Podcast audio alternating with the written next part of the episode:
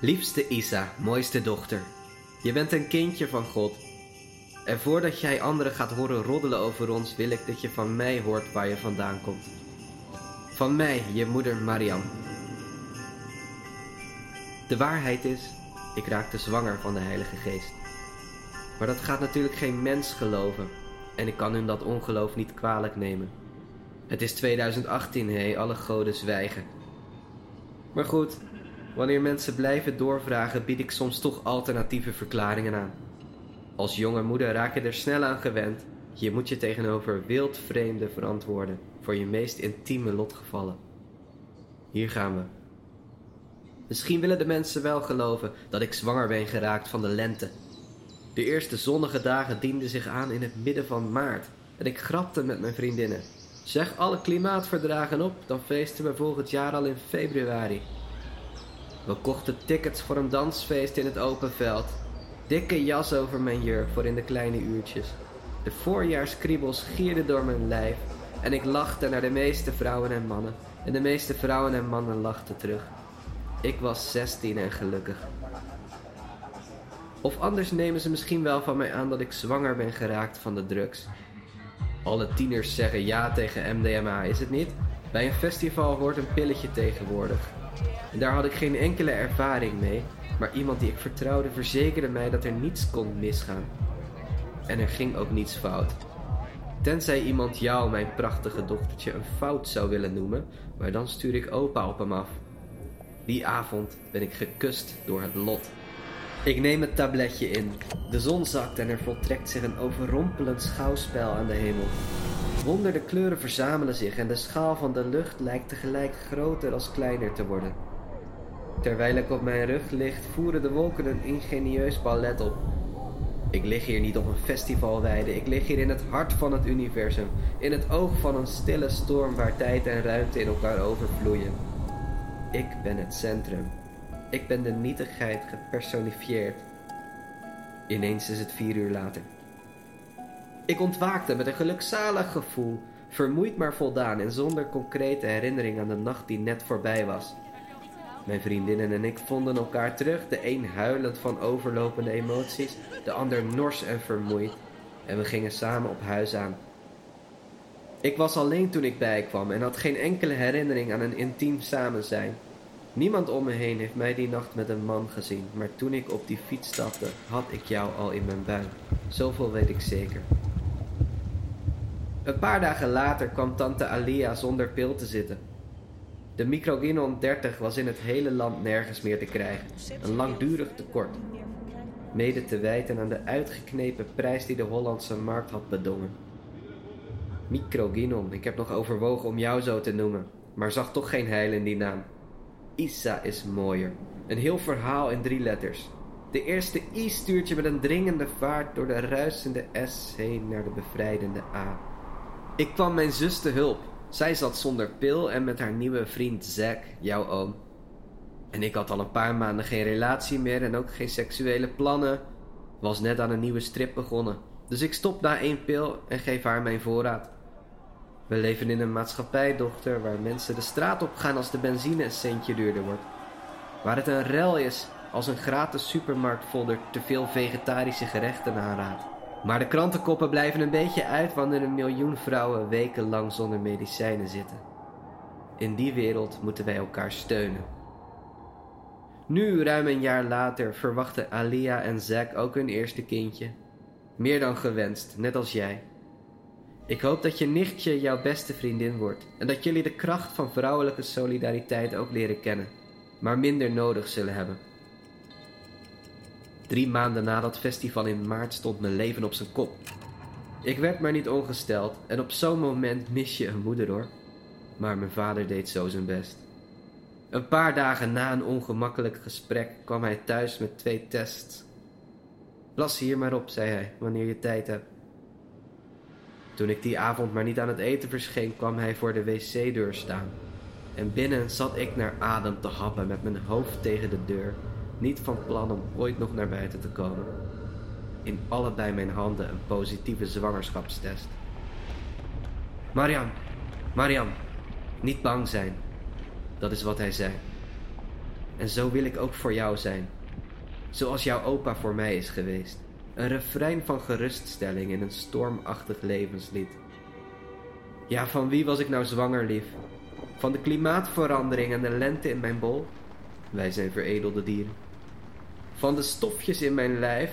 Wij zijn ons brein. Van de grote farmaceutische geldspelletjes? De onzichtbare hand van de markt. Van de geest van het voorjaarsfestival, van alle mensen daar aanwezig, schat je zegt het maar. Jij kiest het maar, want mij kan het niet schelen, mijn kindje van God. Vanaf dat moment heb ik van je gehouden. Ik zweer je dat ik nooit heb gepeinst over alle mogelijke oplossingen die meisjes in mijn situatie wel zouden kunnen overwegen. Maar jij moest er zijn, Isa. Bevrucht, nooit verwekt. Jouw leven is sterk en ik bracht jou voort. Met de kracht van de vrouw in Jemen die een kind baart, midden in een uitzichtloze hongersnood. De kracht van de Yazidi-vrouw in het kalifaat, die een kind baart van de man die haar geroofd heeft. We zijn nog niet definitief verloren, zolang er nog vrouwen zijn die de wereld een nieuwe levende ziel kunnen schenken. Sterker dan de dood is onze liefde. Nog drie maanden later, toen jij mijn buik al een beetje liet bollen, bracht mijn vader weer een schokkend bericht. Onze verblijfsvergunning was door de rechter afgewezen. Jarenlang mocht mijn vader inburgeren, mochten je tante en ik hier opgroeien. Eerst dankzij een succesvolle asielprocedure, maar toen ging de staat in beroep. En dat beroep wachten we gedurende mijn halve middelbare schooltijd af. En we leefden in een onzekerheid die hoe langer het duurde, toch hoe optimistischer aanvoelde. Want na zoveel jaren sturen ze toch geen gewortelde tieners terug? Zeker niet naar een land waar de vader zich helemaal niet veilig weet. Maar het politieke klimaat is er hier niet warmer op geworden. Voor ons nu bijna met z'n viertjes is geen plaats in dit Nederland. Niet bang zijn, zei mijn vader nog een keer. Maar ik vond dat deze keer toch moeilijker aan te nemen. We vonden asiel op een plek waar de uitzettingsdienst ons niet zou halen. Op de plek waar jij uiteindelijk bent geboren. Mijn god, Isa, ik had je een mooier begin van je leven willen schenken. Ergens waar de kraan het beter doet. Waar we naar buiten kunnen gaan zonder bang te zijn dat een bezorgde burger ons opmerkt. Waar een gemeentelijke ambtenaar me vriendelijk toelacht als ik je naam kom inschrijven in het burgerlijke register van de stad waarin we wonen. Maar het werd deze krakende bovenwoning waar we volgens de wet alleen maar veilig zijn voor de ambtenaren, zolang die kerkdienst hieronder verder gaat. Het spijt me, kind, het spijt me zo. Toen je er nog maar net was, kwam de hond die hier ook woont jouw voetjes uitgebreid likken. Alia zorgde voor mij en opa. Opa was niet meer te houden. Een eenzame man moet ergens heen met zijn intense blijdschap. Hij sprintte naar het Malieveld, niet ver hier van ons kerkasiel om de boodschap te verspreiden. Voor hem was dit kind, net als voor mij trouwens, het wonder van de eeuw. Alle mensen moesten het horen. Toen opa het Malieveld bereikte, stond daar twee dozijn demonstranten in gele hesjes samen te zingen. 15 miljoen mensen, zongen ze door hun megafoons. Plus één, riep opa springend. Plus één. De leider van de gele hesjes antwoordde nors: Vol is vol en liep weg bij mijn vader. De helft van de groep ging met hem mee. Opa had mijn telefoon bij zich en liet hun een foto van jou zien, de pasgeboren Isa in het hart van ons Nederland. Plus één, riepen de hesjes op het veld met opa mee. Plus één. Kom, kom met mij mee, zei mijn vader tegen hen. En zo gebeurde het dat mijn eerste kraambezoek bestond uit een bondgezelschap van twaalf chauffele activisten met neonhesjes. Opa bedoelde het vast goed. Ik zal nooit meer de eerbied vergeten waarmee de hesjes voor jou knielden, Isa. Eerst hun handen wasten, toen beleefd naar mij knikten, zorgzaam hun handen naar jou uitstrekten. Een jonge zwarte vrouw zette haar Occupy-masker af, legde haar hand op haar hart en fluisterde je toe: Queen. Ze liep achteruit en verliet zachtjes de kerk. Een van de hesjes vond het een goed idee om de megafoon weer op te pakken en zette de glimlach van een kind in. Het leven is de moeite waard met soms wel wat verdriet. Hieronder speelde het orgel van die doorgaande kerkdienst Gloria in excelsis Deo. Een zalige cacophonie lieflijker dan een engelenkoor. Mijn vader filmde het tafereel. We zijn er later achter gekomen dat hij dat per ongeluk heeft gelivestreamd op mijn Facebook en zo gingen wij op jouw eerste levensdag al viral. In de weken die erop volgden heb ik veel moeten verduren. Drie wijzen meenden hun opinie over jouw prille bestaan te moeten ventileren. Een Elsevier-columnist, zelf ooit een vluchteling, maar nu veilig geïntegreerd en met al zijn schaapjes op het droge, zegt dat wij, Alia en opa, makkelijk terug kunnen naar het land waar onze voorouders leefden. Een populaire journalist bij de Telegraaf meent dat jouw geboorte onderdeel is van een complot van asielzoekers die via een kinderpardon misbruik willen maken van onze gastvrijheid. Een jong Kamerlid voor de PvdA wilde op de foto met jou en mij en zat diezelfde avond nog in twee talkshows op de nationale tv. We hebben niets meer van hem gehoord, maar men zegt dat hij goede kans maakt om over twee jaar de nieuwe lijsttrekker te worden. Intussen zitten wij hier.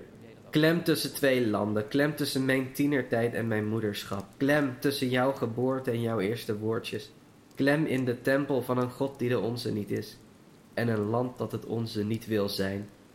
Waar ligt jouw toekomst, Isa? Waarvoor je denkt, hoe moet dat nou? Pakt ze je hand en lacht naar jou. Wie zul je worden, Isa? Misschien word jij de voetballer die de Oranje Leeuwinnen naar het wereldkampioenschap van 2039 kan loodsen. Biedt de staatssecretaris jou live op televisie een pardon aan voor de hele familie. Want voor hardwerkende mensen met uitzonderlijk talent is er altijd plaats in dit waanzinnig gave land. Misschien word jij een social justice warrior die gele, rode, blauwe hesjes draagt en op alle barricades staat om te vechten voor de toekomst van gebroken gezinnen, gevluchte families, statusloze zuigelingen. Misschien word jij een columnist met een Hollands paspoort die haar eigen beroemdheid misbruikt om naar beneden te trappen en te pleiten voor gesloten grenzen, verboden Korans, strengere aanpak van daklozen. Helemaal vergeten dat je zelf eens een zwervende baby was.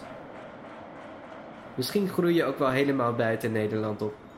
Geven de vrijwilligers die ons asiel bieden het op. Uit verveling, omdat wij niet meer sexy en hip zijn. Of omdat de propaganda van de regering hun geest uiteindelijk toch infecteert. Ze hebben hier toch geen bestaansrecht. Pas op de aanzuigende werking voor andere gelukszoekers. Eén baby is lief, maar wat als we hier een miljoen baby's krijgen?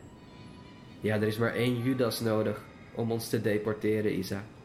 Dat is de zekerheid waarin we leven. De enige zekerheid. En toch ben jij mijn vlees en bloed.